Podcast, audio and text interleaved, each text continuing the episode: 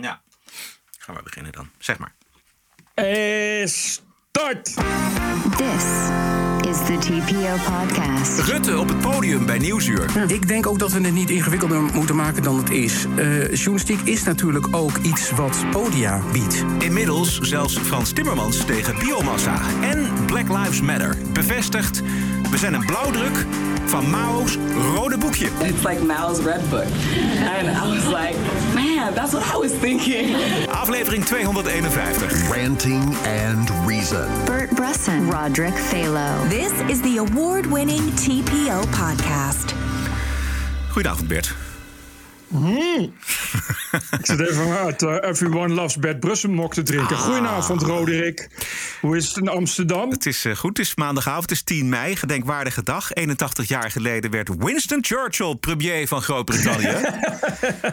10 mei 1940, toen Nazi-Duitsland Nederland binnenviel. En eh, zonder Churchill bleven ze misschien nog wel. Waren ze gebleven? Eh, ja, Zou best- dat zou zo. eh, aan, aan- in elk geval Nederland had het verder niet gelegen. Nee, dus, eh, Nee, exact, dat- ja. Met dank Ja. aan de Britten en Amerikanen, niet waar? Ja, exacto. Maar tegenwoordig, het is nu, eh, wat zei je, 80 jaar later, hè? Of 81, 81, ja. 81 jaar later heb je ook eh, vrijheidsstrijders, zag ik in de media. Zo Ja. heb je social justice warriors, die eigenlijk nou toch een beetje hetzelfde doormaken als die mannen die destijds op D-Day zijn geland. Je hebt nu de, de eh corona-wappie vrijheidsstrijders. Die doen echt niet onder voor wat die jongens toen op de Grebbeberg hebben meegemaakt van het Nederlandse leger. Dus je ziet dat strijd is, is, is toch, ja, dat is eigenlijk één op één gaat dat verder, hè? Ja, de soldaten uit de Tweede Wereldoorlog hebben zeg maar de standaard gelegd. Dat was de lat. En daar is verder iedereen boven gekomen na de oorlog. Ja, ja, ja, ja, ja, net zo ook dat het, eh, als je tegenwoordig de millennials hoort, denk je ook van, nou, het is wel, eh, jullie maken een beetje hetzelfde mee, hè, als, als destijds eh, die mensen in eh de donkere oorlogsjaren. Goed dat jullie dat zo'n beetje zo eh, vergelijken en er zo opzitten. Dat is eh, heel goed, heel verstandig. Eh, vanavond, beetje jammer voor de podcast, maar vanavond straks dus Rutte bij Nieuwsuur. Interview met Marielle Tweebeke over de kabinetsformatie en over het gewenste nieuwe leiderschap met een kabinet. die de Tweede Kamer natuurlijk helemaal geeft waar ze om vraagt. Dat, zo moet het allemaal. De kranten die zullen er dinsdag vol van staan. Nou is Rutte inmiddels zo populair dat het er eh, behoorlijk over ging vandaag. Zelfs bij één fractievoorzitter Sylvana Simons die heeft een brief naar de Kamervoorzitter gestuurd met de vraag of het optreden bij, bij Nieuwsuur van Rutte verboden kan worden. Ja, Ja. Eh, ik, ja ik, snap niet helemaal waarom mensen vragen om een verbod. Ik bedoel, dat slaat namelijk nergens op. Eh, wat je wil, eh, ik las het op geen stijl en die hebben daar helemaal gelijk in. Wat je wil is dat Rutte zich komt verantwoorden in een debat.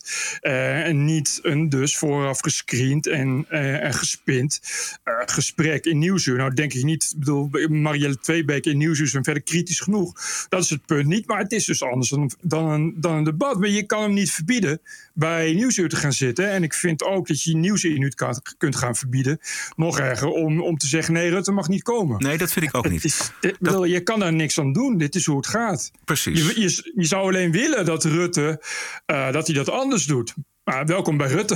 welkom in de wereld van Rutte. Nou, dus- Dit is nou Rutte, Rutte op Ja. de top. Ja, en daarom vind ik het debat erover vind ik goed. Kijk, het, het is het, een beetje ook het aloude misverstand dat iemand van een journalistieke organisatie een podium krijgt met een microfoon erop en zonder weerwoord of kritische vragen mag vertellen wat hij wil vertellen. Nee, dat is niet zo. En dat, Dat is, is niet natuurlijk niet zo. zo. Hoofdredacteur van Nieuwsuur Joost Oranje maakt zich er ook niet zo druk over. Ik denk ook dat we het niet ingewikkelder moeten maken dan het is. Eh, journalistiek is natuurlijk ook iets wat podia biedt. Dat is nou eenmaal zo. hè. Toen, toen ABN AMRO twee weken geleden die enorme recordboete te verstouwen kreeg... wilde de topman van ABN AMRO, die anders nooit in de studio wil... ineens ook in de studio, omdat hij daar natuurlijk een belang bij had. En natuurlijk ook een podium zoekt. En misschien ook wel bewust voor Nieuwsuur kiest... omdat hij dan op een bepaald podium zit daar moeten wij ons allemaal niet druk om maken. Wij moeten ons werk doen. Wij moeten gewoon het kritische interview maken. Dat kunnen we. Marielle zit daar vanavond, Marielle Tweebeke. Die is daar uitstekend toe geëquipeerd. Is een van de beste interviewers van Nederland. Zo niet de beste op politiek gebied. En eh, ja, er zijn ontzettend veel vragen aan Rutte te stellen. En dat is wat onze drijfveer moet zijn. Joost Oranje van, Precies. vanmorgen op Radio 1. En dat, de, hier heeft hij natuurlijk 100% gelijk aan. Want als je het namelijk Exact. wel zou willen verbieden...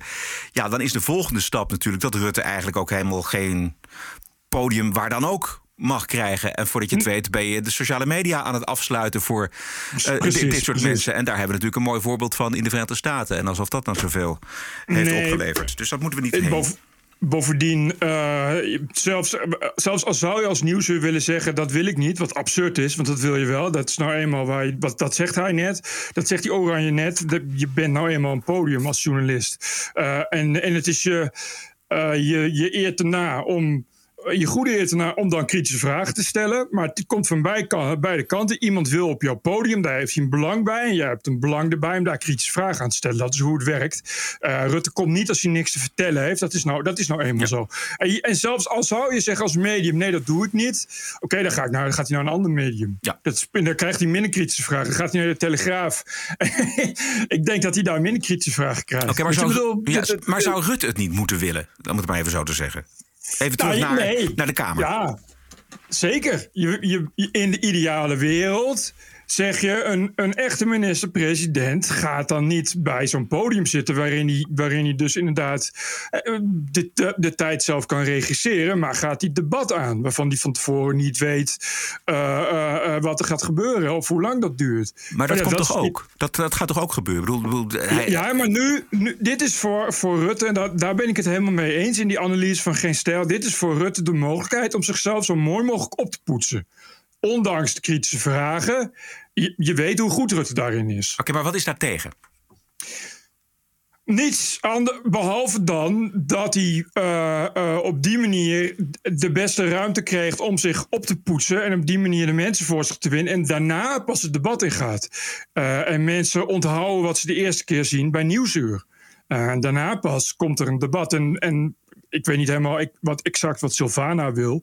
eh, en, en alle anderen. Waarschijnlijk dat hij alleen maar debatten gaat. Dat hij nu eerst een debat aangaat. Ah, ik begrijp, kijk, Rutte is ook een merk. En, en politiek heeft met, eh, ook met PR te maken. Zou- en met, met Ja. marketing. Ja. En dit is, dit is eh, ja, tekstboek 101. Hoe presenteer je jezelf het beste zonder de, met de minste schade? Is naar zo'n programma te gaan. Ook al ik bedoel het is niet dat daar, eh, dat er geen kritische vragen worden gesteld. Dat je niet gegrild wordt. Maar het is beter dan het debat. Zou het anders zijn als bijvoorbeeld Kaag het zou doen als vicepremier? Ja, maar, ja, maar Kaag heeft geen, en is niet zo aangeschoten als Rutte. Ik bedoel, het is gewoon een kwestie van, van, ja, van, van eh, eh, hoe, hoe voel je jezelf bij. Er is geen wet op. Als Rutte zichzelf daarmee in de spiegel kan aankijken, dan moet hij dat doen. Ja. En dan, en dan kan hij dat. Er is geen wet op. op, op er is geen wet op, op. Dit heeft gewoon te maken met ja, normen en waarden of fatsoen, of hoe je dat ook wil En vind jij het onfatsoenlijk van Rutte? Nou, nee, niet zozeer onfatsoenlijk. Ik vind wel, eh, ja, kijk wat ze zeggen klopt natuurlijk. Je, je bent in de eerste plaats verantwoording schuldig aan die volksvertegenwoordiging.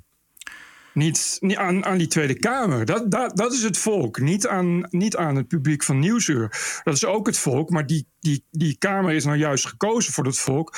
Om dat werk te doen. Dus ga daar eerst heen.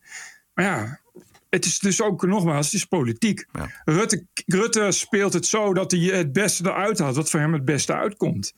Nou ja, dat is in dit geval eh, eh, is, is bij Nieuwsuur gaan zitten. Wat overigens ook niet zonder gevaar is, want je weet natuurlijk nooit eh, wat Nieuwsuur heeft. Nee, precies. Nee, de, de- Nou, kijk, je, eh, natuurlijk worden er deals gemaakt. Wordt- De, de deals worden gemaakt, worden zoveel zo gesteld, duurt zo en zo lang.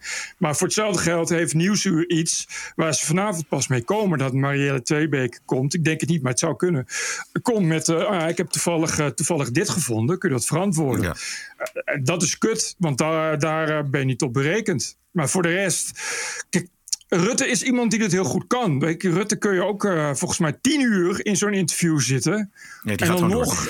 Ja. Ja, Ja. dus ja, dat is, hij doet gewoon waar hij het beste in is. Nou nog even voor mijn begrip. Want wat is het maximaal haalbare voor Rutte? Wat, wat zou, waar droomt hij van? Waarom doet hij dit? Ehm, eh, wa- waarom hij dit doet, is dat hij eh, straks in een debat kan zeggen: Dit heb ik uitgelegd in nieuwsuur. Ik ga dat niet nu nog een keer herhalen. Nee, ik heb niet, dat kan duidelijk uit. Nou ja, dat is wat er gaat gebeuren. Dat is, dat, dat is precies.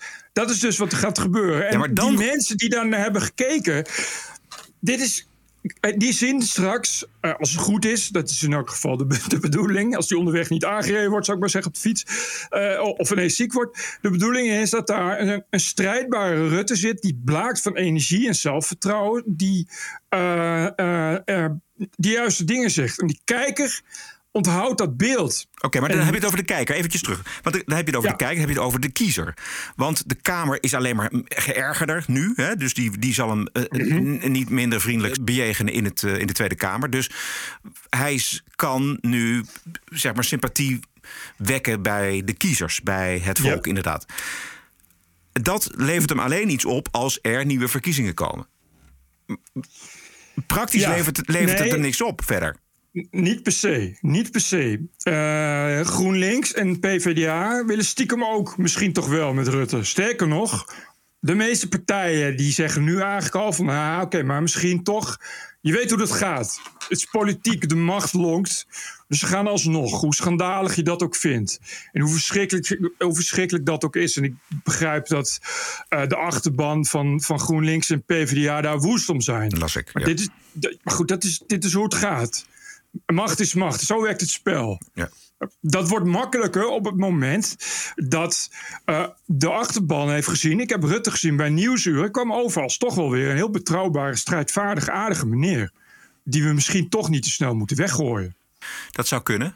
Het mas- masseren van de achterban van GroenLinks en de Partij van de Arbeid. GroenLinks denk ik trouwens sowieso niet dat dat een, eh, een kandidaat is. Maar Partij van de Arbeid zou, eh, is een serieuze kandidaat. eh, nou, ik las dus dat, dat de, het, het niet uitgesproken geheim van het Binnenhof is dat Jesse Klaver dus heel graag wil. Ja, dat, hij mag wel willen, maar ik, dat, hij is niet nodig als het CDA bij elkaar blijft. Maar daarover later meer. Ja, ja precies. Als het het CDA bij elkaar blijft, dan, dan doen we gewoon plus, of zeg maar paars plus, dus eh, de, de paarse partijen van vroeger, plus het CDA. Dan wel, ja, en dan heb je, heb je meer dan 80 zetels en heb je GroenLinks helemaal niet nodig. Yep. Tenzij het CDA uit elkaar valt en dan heb je misschien een partij als GroenLinks weer wel nodig. Maar anders wordt het een te links, denk ik, voor, zelfs voor VVD. Anno nu is, wordt het dan een te links kabinet met eh, D66, Partij van de Arbeid en GroenLinks aan de linkerkant. Maar over het CDA gesproken inderdaad. Want dat, is, dat zou namelijk een veel interessanter interview zijn dan met Rutte, namelijk met Pieter Omtzigt. Exact. Want hij heeft de sleutel van een nieuw kabinet en van de eenheid Exact. van het CDA. En ik las een stuk in Elsevier's Werkblad. En dat eh, suggereert dat Omtzigt zich benadeeld voelt. en tegenwerking nog steeds voelt door zijn eigen partij. Zo, zoals ik het las, Ja. eh, is de kan, wordt de kans steeds groter dat om zich gaat breken. Volgens mij stond dat er ook. Ja, dat stond er ook. van breken. Ja. Ja. En, maar het, was, het waren vooral wandelgangenverhalen. Maar die, ook die kunnen waar zijn. Eh, Hoekstra die zou hem graag willen behouden en heeft daar veel voor over. Al dus de verslaggever Erik Vrijsen van Elsevier's Weekblad. Ja. Maar het lijkt, niet, eh, het lijkt niet voldoende volgens Elsevier. Maar vanavond las ik bij de NOS dat Haagse bronnen bevestigen... dat de partijtop aan een oplossing werkt. En goede gesprekken voert met omzicht. is nog niet helemaal af, dus de gesprekken gaan nog door. Precies. Maar, ik las ook dat die, dat die gesprekken uiteindelijk weer zijn afgebroken. Ja, Omdat het, dat om zich het toch niet, dat ze er toch niet uitkwamen. Dus moeilijk. Wij kennen omzicht allebei. vaag. vaag, natuurlijk vaag. Maar het- wat ik ook las, en dat, dat, daar, daar blijf ik een beetje bij, is dat mensen binnen het CDA ook zeggen: van ja, omzicht die, die voelt ook die verantwoordelijkheid voor het CDA. En die buigt toch naar, naar een lijmpoging. Ik zie het hem doen, laat ik het zo zeggen. Maar Dat, is dus, dat, dat is dus het punt. Die verantwoordelijkheid voor, voor het land besturen. Voor, ehm, voor regeren. Voor, eh, CDA is een regeerpartij. Dus, dus, Ja. dus ja. Dus ik, ik, zou er, eh, ik zou er geen nieren. ik zou er geen, eh, geen nier op inzetten, laat ik het zo zeggen. nee. Dat was bij de FVD een stuk makkelijker. Ja, Ehm, nog meer over Rutte en Nieuwsuur? Ik denk dat ik tijdens monteren nog wel een quoteje mee kan nemen van Rutte. Helemaal op het eind van de show. Ja, hij begint. Ja, maar hoe laat begint dat? Ja, half tien volgens mij. Ah, oké. Dus dat komt dan goed. Maar goed. Het zal grappig zijn. Ik ben benieuwd. Ja, ik Eh, ik, ben, ik ben benieuwd welke vragen Tweebeek stelt. Eh, Waarom wilt u dit? verder- precies, waarom doet u dit? Ja. Waarom maar ik, ik let op mijn woorden. Hij gaat in het debat daarnaar terugverwijzen. Dat zou wel heel zwak zijn, vind ik. ik bedoel, Nou dat- ja, kijk, dat, je, je hoeft dat niet. Kijk, eh, kijk dat gaat hij, dan, hij, gaat, hij gaat onder andere zeggen. Ja, zoals ik in Nieuwsuur heb uitgelegd. En dan kun je dat nog een keer samenvatten. Maar dat is anders dan dat je dat opnieuw doet. Ja, dat is waar. Ja. Irritatie is wel groot, denk ik hoor, bij, bij de Kamer. Het is niet alleen dat is duidelijk. En Sylvana Simons die dit uh, irritant vinden, maar dat is de hele Kamer volgens mij. Ik begrijp alleen waarom Sylvana dat wil verbieden. Dat, dat is ja, een hele rare. Dat is, ja, maar dat is. Ik snap niet hoe je op dat idee komt. Dat is radicale gelijkheid, is dat. ja, is uh, lekker inclusief weer. Ik mag toch ook niet op Nieuwsuur? En de gewone Nederlanders mogen er ook vanavond niet op Nieuwsuur. Dus mag het niet.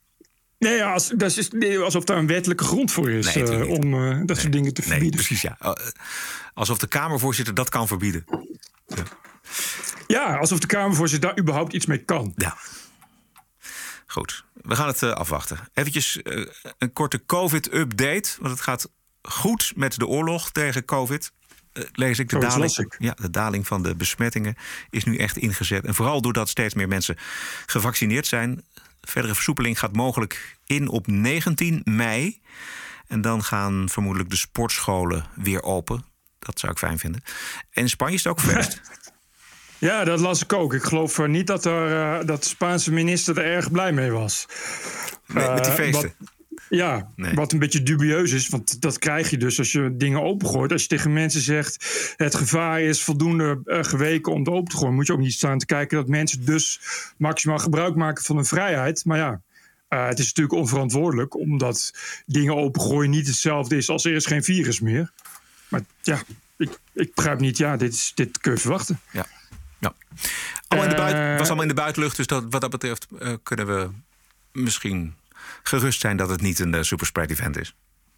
Nou ja, precies. Ik zag uh, de eerste cijfers al van Koningsdag. En? Uh, en nou, dat valt mee. Wel, wel, je kon wel iets terugrekenen uh, dat er waarschijnlijk een, een piek in een piekje in het aantal besmettingen zat. Maar dat is het aantal gemeten besmettingen, maar niet in ziektes.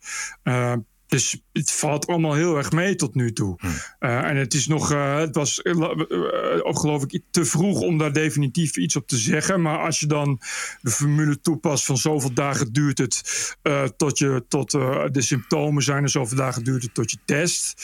Was er wel een piek te zien, ja. Maar volgens mij valt het allemaal nog wel mee. Dus ik ben benieuwd hoe dat over een paar dagen is. Naar aanleiding van die Ajax-kampioenschappen. Ja. Of, daar, of we daar iets van gaan merken. En zo niet, uh, dan zijn dat toch wel twee heel aardige uh, field tests, moet ja, ik precies. zeggen. Ja, die niks kosten. Die niks kosten uh, en waar aan iedereen gratis en met plezier heeft meegewerkt. Ja, precies, op eigen en, risico. Zoals het ernaar uitziet, ook nog eens een keer zonder, zonder al te veel slachtoffers. Want nogmaals, het gaat om positieve testen, niet om mensen die ziek zijn. Ja. Uh, dus, dus het kon wel eens net zo goed zijn dat er eigenlijk nauwelijks symptomen zijn. Ja. In elk geval, uh, de IC uh, heeft, heeft er niet zoveel van gemerkt. Of helemaal niets. Dus, dus daar, en daar kunnen we nu al zeker op zijn. Je kan dat nooit, bedoel, op, op één nauwkeurig kun je dat niet tellen. Maar als het echt echt een probleem was geweest, dan uh, had de IC op het, uh, in het OLVG uh, dat wel gemerkt, zou ik maar zeggen, of, of waar dan ook. Ja, maar da daarvan weten we ook van zeker dat het niet zo is. Dus dat ziet er goed uit. Ja. En die andere was toch iets heftiger nog, hè, met die 10.000 mensen schreeuwend en zingend dicht bij elkaar. Maar als er ook blijkt dat er daar, dan zou ik toch zeggen van zo. Daar moeten we. Daar moeten we op drinken. Ja, Ja. precies. Nee, dat gaat de goede kant op. Nou, het, ik, ja, ik heb ook, ook dingen gelezen dat.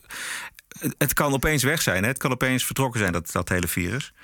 Ja. Um, dat kan heel snel gaan. Uh, maar dat is allemaal dankzij de, de, vaccinaties. En wat je dan ook krijgt, is natuurlijk die groepsimmuniteit. Dat er op een gegeven moment uh, mensen niet meer vatbaar zijn voor dat virus. Dat en dat er ook en dat hij eindelijk is toegegeven dat Maurice de Hond 13 Ja. maanden geleden al gelijk had qua aeroso aerosolen. Ja, dus dat inderdaad in de buitenlucht die mensen daar niet zo heel snel besmet doorraken. Uh, en ik las bij de NOS, in Zweden gaat het helemaal niet zo goed. Nee. Het grote gidsland waar iedereen zo blij was dat alles open was. Uh, en nu blijkt, uh, dat raad je nooit, dat vooral migrantengroepen als hardste zijn getroffen. Ja, want die zitten dan toch te, te dicht bij elkaar. Maar die Zweden, die zijn er dus natuurlijk hypocriet politiek correct over. Uh, die zeggen van ja, en dat ligt vooral dus aan de omstandigheden. Want zwakke wijken, uh, dat zijn mensen die met banen die ze, waardoor ze niet thuis kunnen werken. En dat stond letterlijk. En die worden dan besmet door Zweden die wel thuis uh, werken en geen mondkapje dragen. Oh ja. Dat stond terecht. Ja, ja. Terwijl het heeft natuurlijk helemaal niets te maken met offerfeesten en met uh, nee. Ramadan en nee. met iftars en met het feit dat die mensen met z'n 16 op één kamer wonen. heeft natuurlijk helemaal niks mee te maken. The award-winning TPO podcast.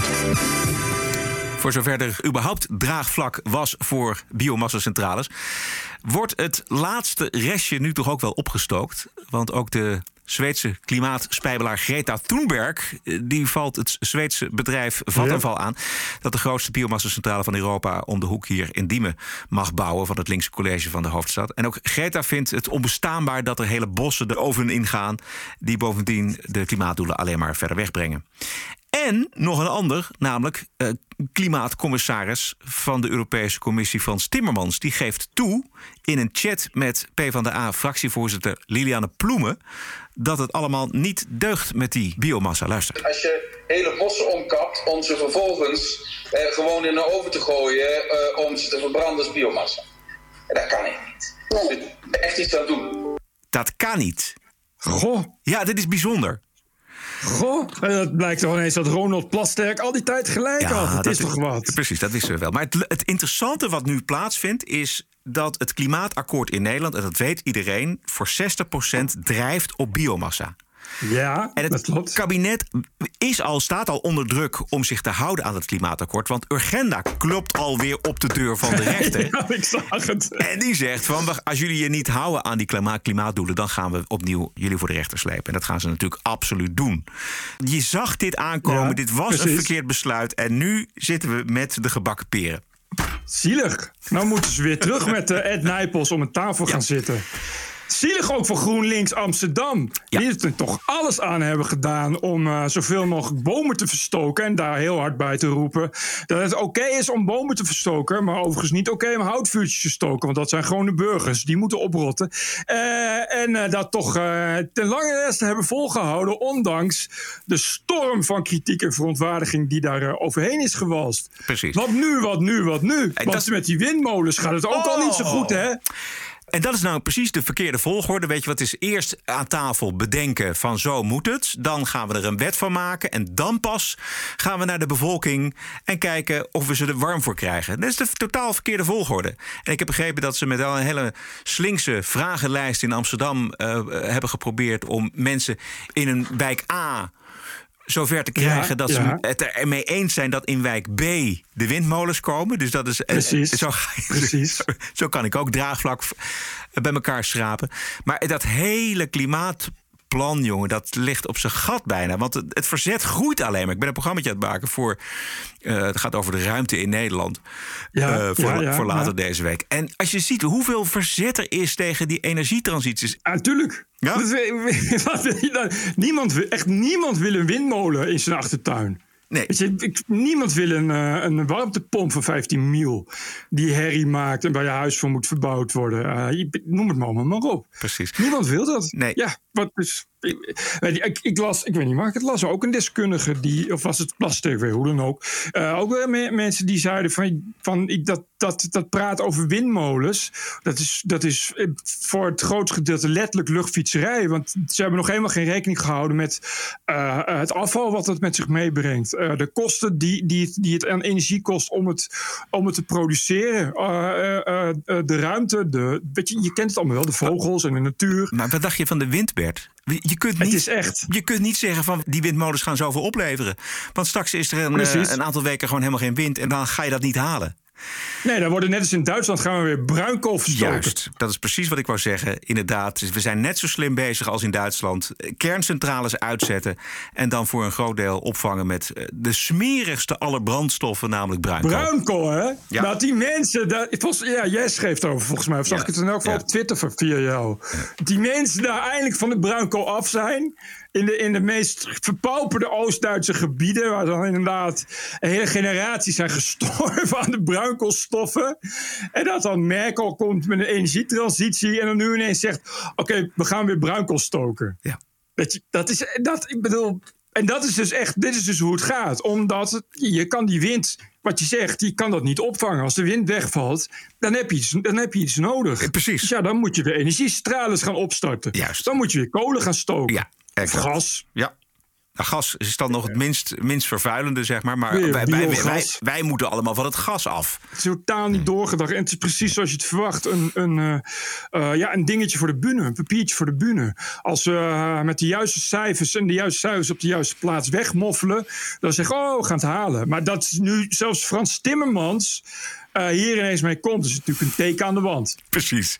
Ja. Dit is wel echt de- het definitieve einde van, van, van, van biomassa. Ja, Dit. ja. Terwijl het in, in Brussel destijds is goedgekeurd als groene brand- brandstof. Maar daar, dat is natuurlijk niet vol te houden als je hele wouden kapt in Estland, in Precies. Canada en de Verenigde Staten. Nee. En er is haast geboden, want Urgenda die gaat naar de rechter toe. De agenda is, Ja. is ook zoiets. Dus ik, ik heb daar helemaal niks met die activisten. Maar het is wel ironisch grappig dat eh, die agenda-types hebben wel echt precies uitgevonden hoe het moet. Namelijk dat je die regering uiteindelijk via de rechter dus tot iets kunt dwingen. Ja. Overigens, Urgenda die ook tegen biomassa is. Luister. Maar als ik het heel cru zou stellen, dan zou ik zeggen: dan kan je op dit moment beter aardgas gebruiken en een boom planten dan biomassa gebruiken en een boom planten. En dat klinkt heel raar uit mijn mond, maar die, die aardgas in een elektriciteitscentrale is maar de helft van de uitstoot. En extra bomen hebben we sowieso nodig, want we zitten nu al op 1 graad. En om onder die anderhalve graad te blijven, zullen we ontzettend hard aan de slag maar, moeten. maar dan moeten we dus helemaal niet van het gas af. Nee, we moeten de komende tien jaar heel hard gaan opschalen zon, wind en aardwarmte. En in de tussentijd heb ik liever aardgas dan biomassa. Juist. Dit is de Ja. voorzitter van Urgenda. Het wordt ook, eh, als je straks eh, aan eh, Bolsonaro weer moet gaan vertellen dat hij op moet Ja. houden met het Amazonewoud kappen. dat hij op een dag gaat zeggen: Oh ja, Ja. en de biomassa dan? Waar denken jullie dat het hout vandaan komt? Ja. En dan wordt het natuurlijk een beetje lastig om anderen de les te gaan lezen op die manier. Ja, dat zou hij nu al kunnen gebruiken, dat argument. We gaan naar de Wokweek. Of heb jij nog wat anders? Waarvan je zegt, we moeten eventjes voor, de, voor de Wokweek bespreken. De eurocommissaris voor gezondheidszorg. Dat is een, eh, ik- als ik het goed zeg, Cypriotische mevrouw. Naam ik niet weet, want dat weet niemand. eh, die eh, destijds dus heeft gefaald met het op tijd inslaan van de juiste vaccins. Maar dat terzijde. Haar man is groot industrieel en die eh, is directeur in, eh, in eh, eh, 120 eh, al dan niet dubieuze bedrijfjes van de Cypriotische makelaarij. Die was op een gegeven moment niet draagkrachtig genoeg meer verklaard. Hij had dus geen geld. En opeens stond er 4 miljoen euro op zijn rekening. Hey. Uh, en nu wordt het dus onderzocht of dat heel misschien iets te maken zou kunnen hebben met de functie van zijn vrouw. Iemand tipte me uh, een hele vage Poolse-site. Uh, schreef dat, dus toen ben ik verder gaan kijken. En bijna niemand doet daar verslag over. Er was wel één Duitse site, die deed er verslag over. Uh, en dat was een betrouwbare site. Maar het blijkt dat de scoop oorspronkelijk kwam een maand geleden van het uh, Duitse ARD-televisieprogramma okay. Panorama. Zo. Dus dat is betrouwbaar. Zeker. Uh, en het is heel raar dat daar niemand. Ik, ik, kon, ook, kon ook gewoon niets. Kon verder niks vinden. Dus het is één, één Pool en twee Duitsers die daarover bericht hebben. En voor de rest slaat dat gewoon helemaal dood. Terwijl, ja, ja het is een serieuze aantijging. Uh, nou goed, zij zelf ontkent. Dus ze zegt van nee, ik, ik, ik kan het uh, wel. We kunnen dat allemaal. Dus het is nog in onderzoek. Ik zeg niet dat het zo is. Maar het is een serieuze aantijging. Als het zo zou zijn, als het waar zou zijn, dan is het natuurlijk een schande voor de Europese Commissie. Dat wil de, commissie, exact. Dat wil de, exact. Europese Commissie niet meemaken. Het is een beetje, ik moet, onmiddellijk denken aan dat, dat hele gedoe rond Malta, waar Omtzigt zo bovenop zat. Ja. Dat was ook een probleem, want we zagen daar in de tijd Frans Timmermans arm in arm met de grote corrupte baas van Malta ja, tijdens de verkiezingscampagne. En daar is ook verder helemaal geen uh, gehoor aangegeven. Uh, de kranten hebben dat allemaal. Uh, ja, ik, ik, ik, zie geen kwade opzet. Maar het is, op een of andere manier is dat dan nee, niet, niet dat, interessant. Ja. Het probleem is dat, dat die hele Europese verslaggeving heel beperkt is. Ja. Het, en omdat het ook. Uh, het is heel, dus heel ondoorzichtig uh, en oninteressant. Dus er zijn heel weinig journalisten voor. En nog erger is dat er helemaal geen publiek voor is. Uh, dus, dus ja, dat is wat er gebeurt. Het gaat allemaal volledig langs ons, langs ons heen. Uh, en dat is iets wat, wat natuurlijk best wel kwalijk is. En ook best wel problematisch. Weet je, het is natuurlijk helemaal niet transparant. En dat blijft, dat blijft een heet hangijzer. Uh, haar naam is Stella Kyriakides. En Juist. de eerste tien berichten gaan in ieder geval niet hierover. Nee, precies. Dat had ik dus ook. Dat je ook op, op Google Nieuws zie je ook echt en ze wordt alleen maar gewoon sec genoemd als in agenda's voor de komende tijd. En dat is dan ook nog drie maanden oud. En je moet echt zoeken. En dan, oh, oh dat is dan, en dan toch dat panorama van de ARD. Dat lijkt me toch verder een heel uh, reguliere, betrouwbare, ja. betrouwbaar iets. Ja. I was offended and I have rights. TPO Podcast. You're an adult. Grow up. Deal with it. I don't zijn ze weer. De berichten uit de open inrichting. Mensen, bedrijven, instantie die zich een slag in de ronde deugen. En diep buigen voor de terreur van de identiteitsideologie. Zondag was het Moederdag.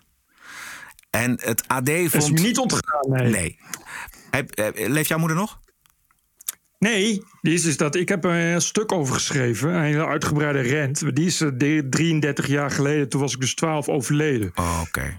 Oké, okay. mijn moeder is ook overleden. Die rent ging over Rianne? Uh, ja, over dat, over dat mekkermeisje in, uh, in het AD. Ja. Uh, en dat je, ik, ik, de, mijn moeder is ook dood. Maar ik heb nog nooit gedacht van, oeh, kwetsend moederdag. Rianne wil een einde aan moederdag omdat ze geen moeder meer heeft en wil nu vooral ook de moederdag reclames dat die ophouden. Het is idioot dat het gebeurt, dus ik dacht, nou ja, ik moet een soort van, uh, van statement of zo maken. Dus toen uh, met een kleine aansporing van mijn vrienden heb ik op Facebook een berichtje gezet met uh, nou, een paar van die voorbeelden die ik dan in mijn mailbox vind en daarbij ook gezegd van ja niet, ik was niet op zoek naar medeleven dat het zo zielig voor mij is, maar meer op ja, eigenlijk bewustwording, misschien wel voor bedrijven ook. Uh, ja, dat, dat je de ja. mensen echt. Uh, je, je wrijft het ze nog een keer in dat ze geen moeder meer hebben. Ik ben echt. Ja, ja, het is niet te doen, gewoon dit.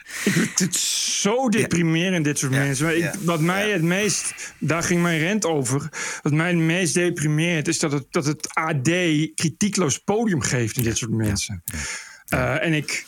Ik zei, ik had het erover met Vierduk en die heeft bij het AD gewerkt. En die zei ook van, ja, weet je, AD is, en dat is ook zo, is een van de grootste online platformen van Nederland. Uh, is een van de grootste kranten van Nederland. Het AD is Nederland. Dat is het allerergste. Dat is het allerergste, vind ik. Dat je, dat je, dit is wat mensen willen zien en horen. Dat volgens het AD. Nee, ja. ja. maar dat is waar. Daarom is het AD ook groot. Omdat ja. mensen, dit is wat het, het AD-publiek graag ziet. Iedereen die nog een moeder heeft, die gun ik een moeder. En ik vind het fantastisch dat die moederdag er is. En, en bedelf haar onder de cadeau, zou ik zeggen. Ja, of niet. Ja, of kan niet. mij het schelen? Ja, hoe, hoe in godsnaam ben je uh, gekwetst? Hoe, ja. hoe gekwetst wil je zijn? Weet je, wat is het? En dan ook nog uh, oproepen om te stoppen met reclame voor moederdag. Dus omdat jij gekwetst bent, mogen anderen ook geen kennis meenemen van het, van het, van het fenomeen moederdag en zo. En, en, dat, weet je, en dat, daar krijg je dan een podium voor uh, in het AD. Ja, ja, wat, het is toch niet. Ja, ik ben er al helemaal overheen. Ja, ja, ik precies, heb al uren uitgeleefd zondag erop of zaterdag. Ja. Wanneer, wanneer, wanneer verscheen dat? Maar het is, het is gewoon niet te doen. Het is gewoon niet, niet te volgen. Dit soort, dit soort verschrikkingen. Het is precies wat, wat tijdens zeg maar, dit item, aan het begin van dit item, altijd wordt gezegd. Dit dus. I was offended and I have rights. TPO rights. Podcast. You're an adult. Grow up. Deal with it. I don't. We don't care. Ja. Ik vond het nog meevallen, omdat ik dacht, nou, moeder en vader is natuurlijk ook al uh, heel kwetsend. Dat moet natuurlijk gewoon eigenlijk Ja, mensendag precies, zijn. Of mensen met een baarmoederdag. Of, of, of een mappie en pammy-dag. Want alleen moeder. En sowieso één moeder. En er zijn ook kinderen met alleen vaders. Die zijn dan ook gekwetst. Ja. Ik heb uh, een uh, anonieme inzender van iemand die werkt op het UMC. Utrecht Medisch Centrum. En dit is een bericht van het intranet van het Utrechts Medisch Centrum. Het UMC Utrecht wil een fijne plek zijn om te werken. Daarom geven we mensen de kans zich persoonlijk te ontwikkelen. Dat kan op allerlei gebieden. Ben je bijvoorbeeld nieuwsgierig naar de onbewuste associaties en patronen, ook wel bias genaamd, die jouw denken en doen op het gebied van diversiteit en inclusie beïnvloeden? Meer informatie over het volgen van een bias training vind je hier. Dubbele punt. Diversiteit en inclusie. Het UMC Utrecht voert al jaren een actief diversiteitsbeleid. Een betere afspiegeling van de samenleving draagt bij aan een betere verbinding met de omgeving. De komende beleidsperiode wordt de focus van diversiteit en inclusie verbreed met thema's als leeftijd, seksuele geaardheid, culturele achtergrond, religie en arbeidsbeperking. Diversiteit en inclusie leiden tot een betere benutting van het talent van alle medewerkers en studenten in dienst van beter onderzoek en patiëntenzorg. Nou ja, mocht je op een dag op de uh, IC terechtkomen van het Universitair Medisch Centrum Utrecht, moet je maar bedenken dat 30% straks toch een uh, onbewuste vooroordelencursus heeft gevolgd. Dat is ook wat waard. Voel je je veiliger? Dan voel je je veiliger. Misschien wel. Waarschijnlijk niet, maar toch. Bedankt, anonieme inzender. Dank. NRC had een recensie van het jubileumboek van de aloude muziekkrant Oor. En ja, van Wilfred Takker. Ik, ja, precies. Ik had in de jaren tachtig had ik een abonnement op muziekkrant Oor, waar niet van af te komen was van dat abonnement. Uh, ik wilde er graag vanaf, omdat de redactie van Muzikant Oor gevuld was met uitsluitend progressieve bedweters die goed konden opschrijven welke artiesten je nou wel goed moest vinden en welke niet. Maar goed, dat, dat jubileumboek heet Want More en NRC Handelsblad schrijft...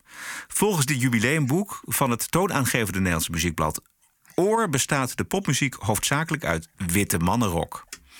Nou, en dan heeft uh, Wilfried Takker heeft dan geturfd en geteld en dan is het gewoon één grote ja, racistische redactie eigenlijk. Hè? Want uh, veel te weinig zwarte, veel te weinig vrouwen, veel te weinig. Nou, alleen maar witte mannen. Maar het grappige vond ik wel dat hij dan voorbeelden geeft uit dat boek van bekende popjournalisten als Peter Verbrugge.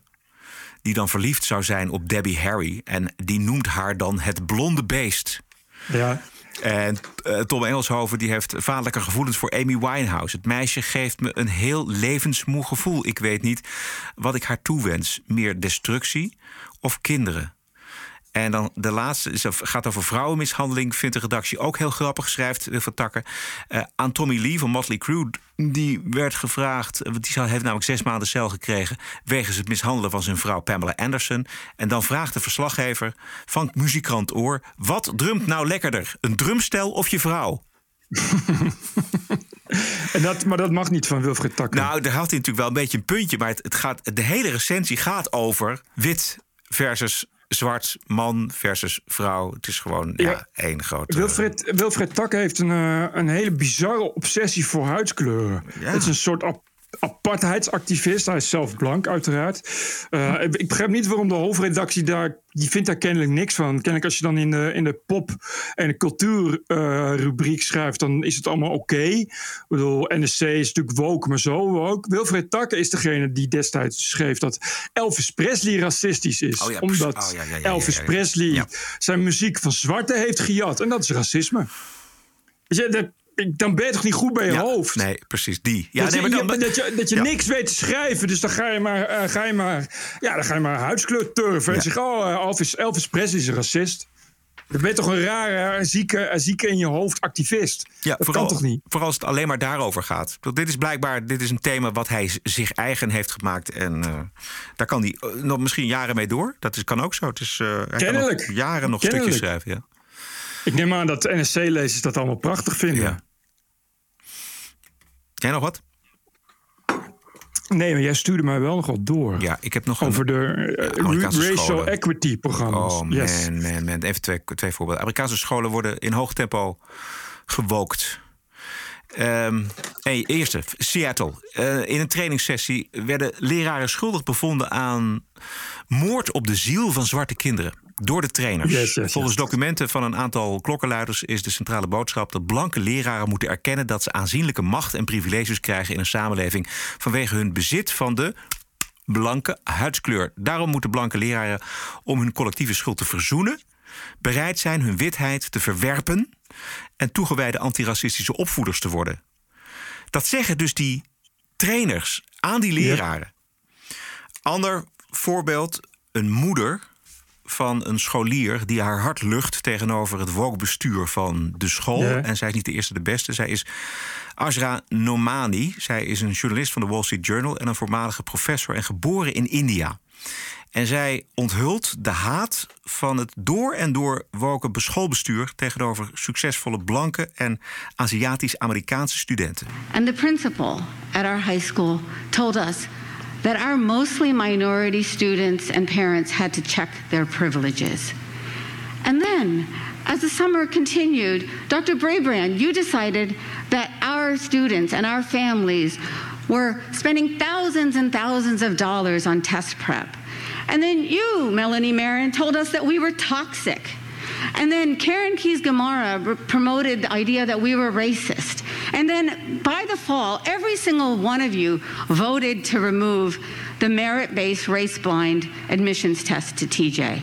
And we pled with you as Asians, as an immigrant. I came at the age of four, I knew no English, and you didn't listen to us. And now I sit here listening to this empty proclamations and declarations that you're making about your great value of Asian Americans. You tell us about you going Melanie Marin to a Japanese restaurant. Well, do you know that just a few weeks ago in social emotional learning at TJ, our students were told that if they do salsa dancing, it amounts to cultural appropriation, and that they needed to check their racism. And that is our mostly minority, mostly Asian students. And so your empty proclamations are just that.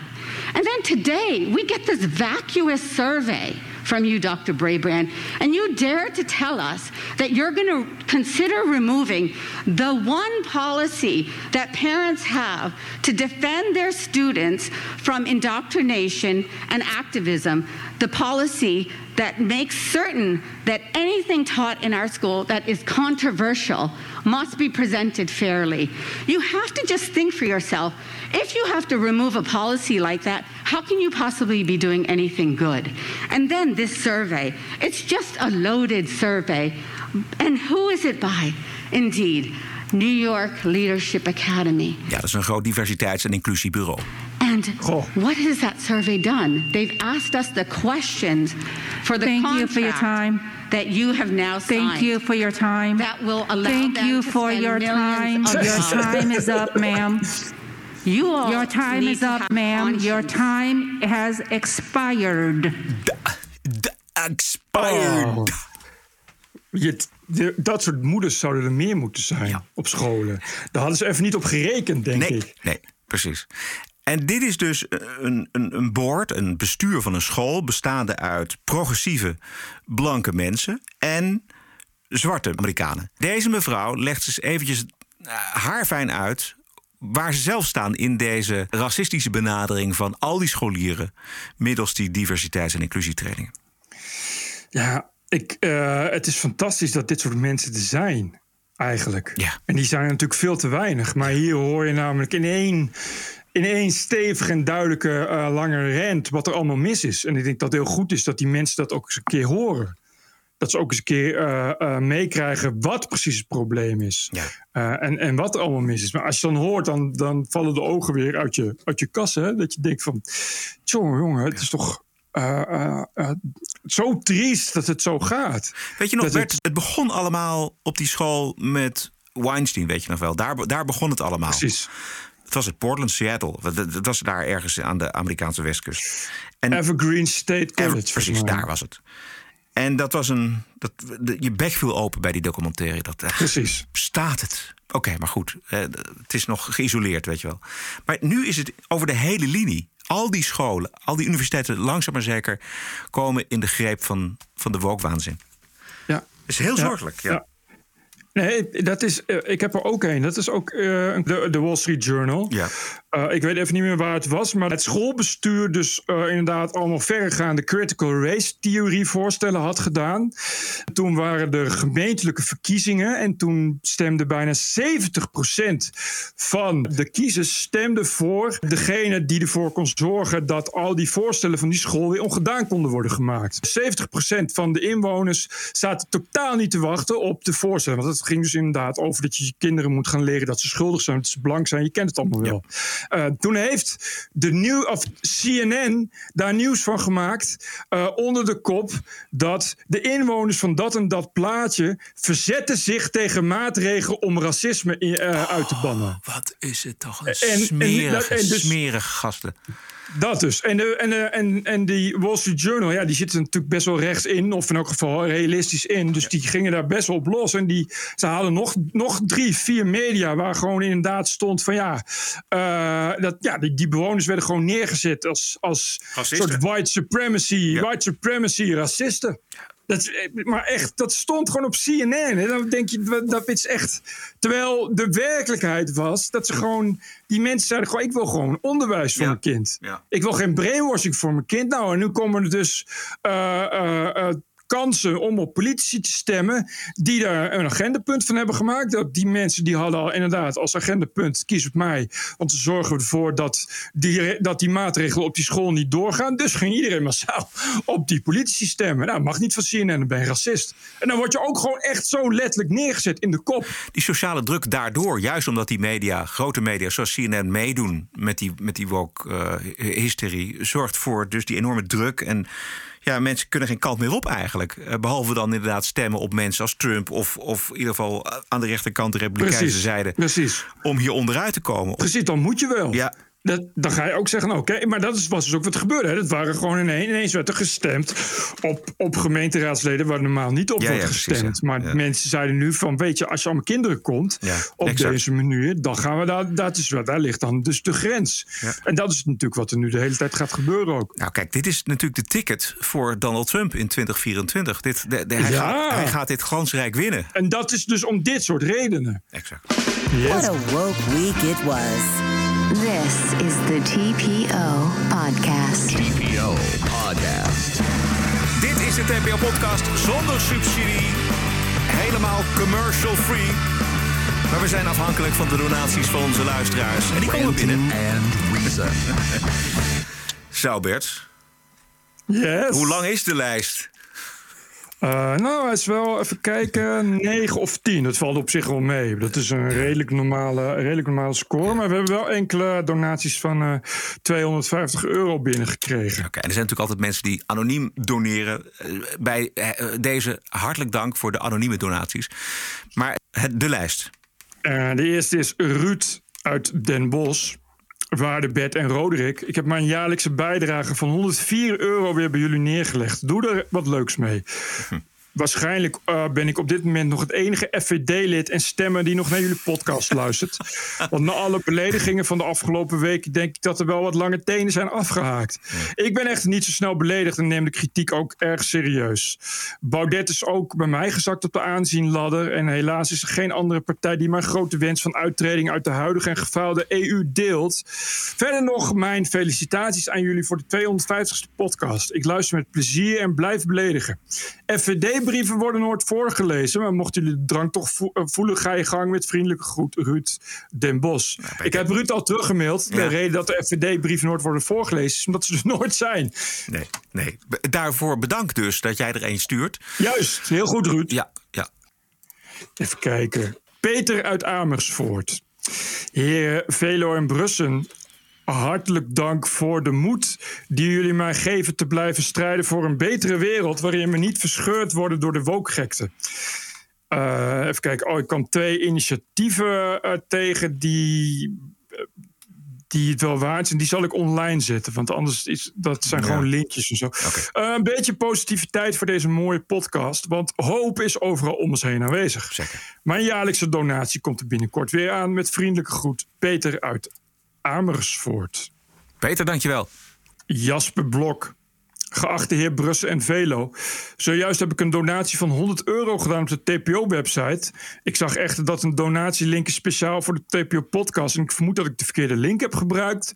Aangezien deze donatie was bedoeld voor de podcast, vroeg ik me af of dit op de goede plek terechtkomt. 250 podcasts is namelijk voorwaar een prestatie waarvoor een klein presentje voor de heer Velo en u zelf niet misstaat. Op naar de volgende 250. Vriendelijke groet, Jasper. Het uh, komt goed, Jasper. Ik zal uh, 100 euro uh, doorsturen vanaf TPO naar TPO Podcast. G.J. Waldman. Graag wil ik jullie feliciteren en bedanken voor 250 podcasts. Hoewel ik zelf regelmatig gekwetst ben door jullie uitspraken, ben ik een zeer groot voorstander van het vrije woord. En dus ook de plicht om de waarheid hardop uit te spreken, te bekritiseren en het bijbehorende recht om te kwetsen. Zonder dit recht zijn we verloren en zullen we de duisternis ingaan van een woke-dictatuur.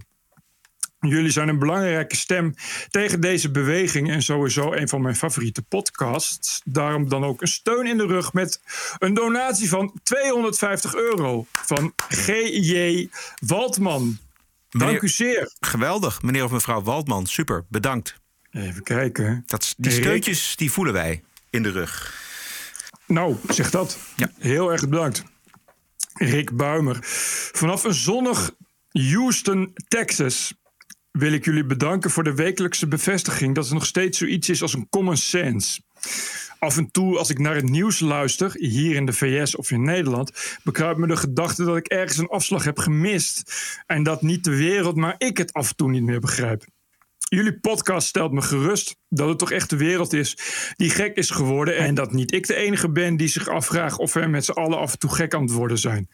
Ik waardeer jullie moed om je te blijven uitspreken en hoop dat die podcast zich blijft ontwikkelen en een steeds luidere stem gaat zijn in deze discussie. Om dat te bespoedigen en voor mijn eigen plezier heb ik zojuist een symbolische 250 euro overgemaakt. Jullie mogen trots zijn op wat je hebt bereikt. Ah, geweldig. En dat allemaal uit Houston. Fantastisch. Ja, er staat nog een PS onder. Ik woon nu zeven jaar in de Verenigde Staten en ben getrouwd met mijn geweldige Amerikaanse vrouw Nicole. Als jullie ooit in de buurt zijn van Houston, dan hoor ik het graag. Jullie zijn van harte uitgenodigd voor een glas bier en een Texas barbecue in deze geweldige stad. Groeten van Rick Buimer uit Texas. Geweldig, Rick. Ik, daar hou ik je aan. Ja, als we ooit in de buurt zijn. Mocht ik ooit in Houston zijn, dan. Uh... Zeker. Ja. Erwin, uit Amersfoort.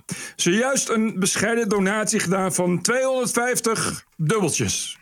Gefeliciteerd met de 250ste podcast en ga vooral zo lang mogelijk door. Groeten uit Amersfoort, Edwin de Kof. Heel goed, Edwin. Dank je. Thijs Aartsma. Ik heb begin dit jaar al gedoneerd, maar heb net 50 euro extra overgemaakt. Ter gelegenheid van jullie 250ste podcast. Ga vooral zo door. Ik zal blijven luisteren en doneren. Groet Thijs. Heel mooi, Thijs. Dank je. Berry Honing uit Spanje. Heren, er is helemaal niets misgegaan, maar van harte met de 250ste. Dus ik heb 250 euro overgemaakt. Het werd verdorie hoog tijd. Schande dat het zo lang geduurd heeft. vanaf morgen dus ook voor Bert weer een spindekaas op de boterham. Voor zover die potten ook Gran Canaria weten te bereiken. Ik woon inmiddels op La Palma, maar ik begrijp wat je bedoelt. Al enige jaren heb ik veel uren luisterplezier hier in de auto of zoals nu op onze lichtbedjes op, met uitzicht op ons anti-GroenLinks houtkacheltje. Hasta, aflevering 251. Gaat zo door. En hoera, hoera, hoera. Berry en Amike uit Jiber uit de Costa Blanca in Spanje. Geweldig. Hein van Zeil uit Langhout. Beste Bert en Roderick, nog van harte gefeliciteerd met jullie 250ste uitzending. Ik ben een grote fan. Jullie podcast is een safe van vrije meningsvorming met een streng deurbeleid voor ideologisch kuddegedrag.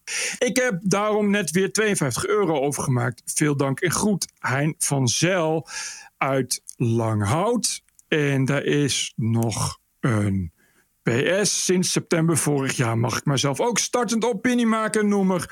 Ik bestuur de website www.frogland.org. Frog als in kikker en land als in uh, land. Okay. Frogland.org met columns en satirische podcasts. Oké. Dus uh, gaat dat zien van ja. Hein van Zel. Bedankt Hein van Zel. Ik had er nog eentje van Bart. Oh, inderdaad, Bart Nijman. Bart die schrijft van die 250 afleveringen heb ik er zeker 200 gehoord. Dus daar mag wel een extra donatie tegenover staan. Bij deze. Ooit in de begintijd mocht ik Bertje nog wel eens een keer vervangen. Dat klopt. Als co-host. En dus heb ik ook nog een paar Everyone Loves Bert Brussen mokken uit jullie snuisterijen stalletje gekocht. Misschien dat de automaten koffie op het uh, Geen Stijl hoofdkwartier daar beter van gaat smaken. Want het zoetgevoiste stemgeluid van Bert moet als een massage voelen voor de koffieboontjes. Mooi geschreven. Hartelijke goed, Bart, Bart Nijman. Dankjewel, Bart. Is toch fantastisch? Heel goed, heel goed. Bart is uh, een uh, groot fan al vanaf de eerste af, uit, uitzending, aflevering. Ja. En wij zijn een fan van Geen Stijl. Zo is dat. Uh, zo houden we elkaar een beetje in de gaten. Dat is goed. Right. Tot zover. We hebben nog wel een mededeling en dat is deze. Dit is de TPO-podcast. Een eigenzinnige kijk op het nieuws en de nieuwsmedia. Twee keer per week, elke dinsdag en elke vrijdag. 100% onafhankelijk, want zonder reclame en zonder een cent subsidie. The award-winning TPO podcast. Wat is het jou waard? Een euro per aflevering, 104 euro per jaar of kies zelf een bedrag. Waardeer en doneer op tpo.nl slash podcast. De TPO-podcast. Wat is het je waard? Goeie vraag. TPO Podcast. Ladies and gentlemen, the president-elect of the United States. This is CNN breaking news. We have never, ever, ever, ever failed in America. It's an incredible way of putting it. Telling the truth matters. It's an incredible way of putting it. This is a Russian intelligence disinformation campaign. Why isn't Joe Biden angrier about all of this? How stupid can you be? This is a classic example of the right wing media machine. It just lacks credibility. Go ahead. Er is al een paar weken een debat in Amerika gaande over de vraag: is Amerika nou een racistisch land? Onder Trump was die vraag voor progressieve mensen eigenlijk heel gemakkelijk te beantwoorden met ja. It's racism. Ja, ja hoor. Maar met Biden in het Witte Huis. Ja, met Biden in het Witte Huis wordt het opeens een stuk moeilijker te beantwoorden. Vicepresident Kamala Harris die heeft al gezegd. Ja, er zijn wel onderdelen in Amerika racistisch. Maar Amerika zelf als land is geen racistisch land. Veel zwarte Amerikanen zeggen dat ook. En niet de minste. Een zwarte politicus van de Republikeinse Partij, senator Tim Scott, bijvoorbeeld. Nou, luister dan eventjes hoe de blanke late-night woke-presentator Jimmy Kimmel deze zwarte senator de maat neemt. An amazing thing happened after the speech. Every black Republican senator got together to let the American people know the Republican Party isn't racist. By doubling down on the divisions we've worked so hard to heal. You know this stuff is wrong. Hear me clearly. America is not a racist country. And then Tim promptly returned to the sensory deprivation egg he calls home. Ja, en sensory deprivation betekent zoveel als zeg maar, een soort geluidsdichte kelder waar je niks hoort of ziet. Uh -huh, uh -huh, dus deze Tim Scott, zwart, maakt een statement over racisme en de blanke arrogantie weet het beter en zet deze zwarte man neer als jongen. Je weet helemaal niet wat racisme is. Laat mij dat, la, la, laat mij dat maar eventjes uitleggen aan je. Die arrogantie. nou, maar echt, hè? Echt, dat is, is op zichzelf racistisch. Ja, zeker. Laat de blanken nou maar gewoon even, even, even praten. Dan moet jij even je mond houden. Want bij blanken weten gewoon hoe het zit. Maar ook, ook uh, het feit dat hij republikein is... dan moet je dat gewoon weggooien. Terwijl hij is zelf zwart. Ja. Weet je, ja. nou, als een republikein die zegt... nee, dat is, dat is, ja. natuurlijk is het racisme. Is gewoon, geen, geen debat is gewoon ook niet mogelijk. Die gruwelijke progressieve arrogantie, jongen. Dat ze niet misselijk worden naar, om naar, naar zo'n tv-uitzending te kijken van die Jimmy Kimmel. Maar ook dat je echt... Uh, ja, blijkbaar uh, niet. Nee, maar dat je ook die, de goede dingen hoort hè, van, van zwarte. Van, van mensen die echt duidelijk uitleggen wat het probleem is van, van, de, van de democraten. Wat het probleem is van woke. Wat het probleem is van de betutteling. En dat ze daarna gewoon hun schouders ophalen. En, en, en zeggen nee, is niet zo. Wij weten het gewoon beter. Ja. Kijk, het beste is om de hypocrisie door te prikken. Want hypocriet is, het zijn ze eigenlijk altijd. Dat, dat zag je bijvoorbeeld aan die uh, Black Lives Matter oprichter, die Patrice Cullors. Ja, uh -huh, He, die, uh, nou, vooral de laatste tijd. Uh, zien we, vastgoed. precies, zien we hoe geweldig ze het doet met haar miljoenen. In aardige optrekjes in Los Angeles en in de Bahama's. nu is er dus een opname boven water gekomen waarin zij opnieuw zonder omhaal uitkomt voor de marxistische en communistische fundamenten van die organisatie. Luister. And I was speaking to this uh, young person from Arizona who's trying to fight uh, SB 1070, and I was he he he grabbed the book and he said it's like Mao's Red Book, and I was like, man, that's what I was thinking, and it was just really cool to hear him make that connection. Dus die drie oprichters die hebben al gezegd dat ze getrainde Marxisten Ik, ik wou net zeggen, zijn. ja. Maar daar kan dus nu geen misverstand meer over bestaan. Maar Oost-Rode boekje ja. ook, hè? Ja, ja, ja. Dat is culturele revolutie, is dat. Dat is geen kleine, geen kleine, geen kattenpis. Nee. Het is geen eh, kleine revolutie. eh. Nee, nee. Maar dat is dus waar het om gaat. Kijk, eh, eh, culturele revolutie in China was een bloedbad. Omdat het eh, eh, eh, voor en door gelovigen was. Ja, precies. Waarin geen enkele, verder geen enkele ruimte meer is voor, voor anderen. En dat is waar het hier dus om gaat. Dit was de TPO Podcast. En we zijn te vinden op Spotify, Apple Podcast, iTunes en natuurlijk op tpo.nl. Heel veel dank voor de ondersteuning van nieuw deze aflevering 251. Post kan naar info.tpo.nl en doneren, waarderen kan op tpo.nl slash podcast. We zijn terug vrijdag 14 mei. Stay cool en... Tot vrijdag! TPO Podcast. Bert Bruson, Roderick Balo, Ranting and Reason.